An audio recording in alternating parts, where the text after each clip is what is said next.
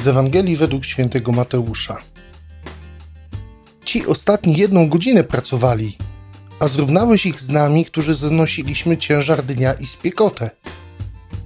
Szczęść Boże, kochani, witajcie bardzo serdecznie. Przepraszam Was za to, że nie było odcinka w środę, ale będąc u mojej siostry w Krakowie na takim urlopie krótkim, wszystko wziąłem ze sobą. Natachałem się i statyw, i, i nawet oświetlenie u Inki było zamontowane ze dwa lata temu, takie, że można byłoby nagrać. No ale nie wziąłem najmniejszej rzeczy, która była potrzebna, czyli mikrofonu. Bardzo Was przepraszam. Dlatego dzisiaj w sobotę będą dwa odcinki i ten z tygodnia, i ten z niedzieli.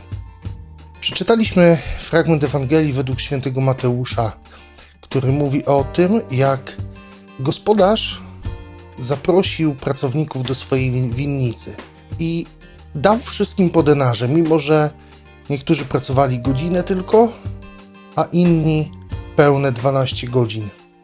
I słyszeliśmy to oburzenie tych, którzy pracowali 12 godzin, że ich pan potraktował niesprawiedliwie.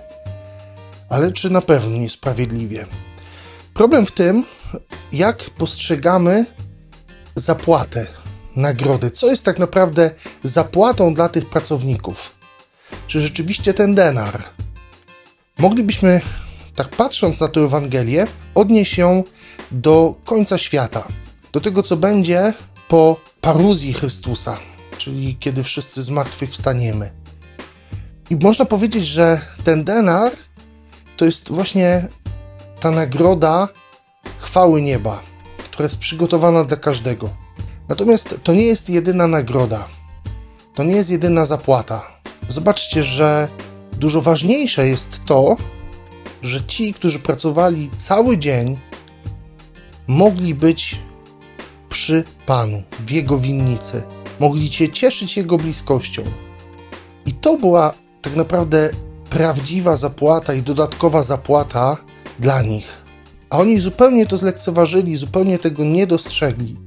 Tak sobie myślę, że możemy właśnie patrzeć w ten sposób często na ludzi, którzy całe życie różnie żyli. Najczęściej używali sobie tego życia, zupełnie sobie nic nie robili z tego, kim jest Pan Bóg, wiara, przykazania, to wszystko, co się wiąże z Ewangelią i jej wymaganiami. I, i na końcu swojego życia doświadczyli nawrócenia i, i, i wrócili do Pana, zostali blisko Niego. I dzięki temu otrzymali chwałę nieba. I często ci, którzy są takimi, powiedzmy, stałymi katolikami, którzy chodzą co tydzień do kościoła, starają się żyć pobożnie, dobrze, mogą mieć o to pretensje. Dlaczego Pan Bóg ich zbawia tak samo jak tych wszystkich, którzy są wierni przez całe życie? Tylko, że często nie dostrzegamy tego, że dla nas nagrodą jest to, że już tutaj na ziemi, będąc blisko Pana Boga, wchodząc w bliską, bardzo intymną relację z Nim, możemy doświadczać chwały nieba. I to jest dla nas coś niezwykłego. I to jest coś, czego tamci sami się pozbawiają. I to jest niezwykłe, żebyśmy zwrócili uwagę na to, że już tu i teraz możesz żyć pełnią.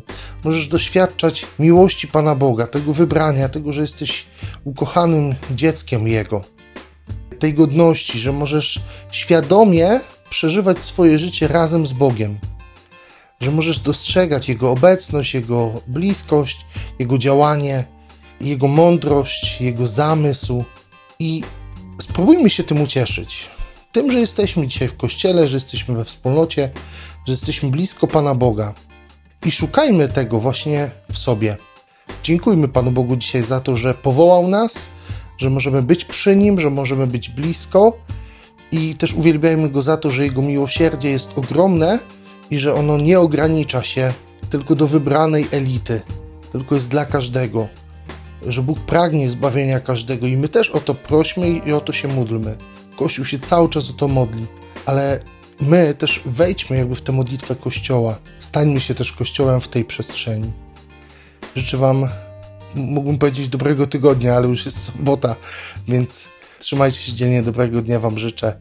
I podejrzewam, że to nagranie wpadnie bodajże w sobotę rano, a wieczorem wrzucę nagranie na niedzielę, także nie będzie tak, że jedno po drugim będzie e, jedno obok siebie, tylko będzie to kilkugodzinna przerwa, 12, nie, 10 godzin dokładnie będzie przerwy. Niemniej, trzymajcie się, dobrej soboty Wam życzę i z Panem Bogiem.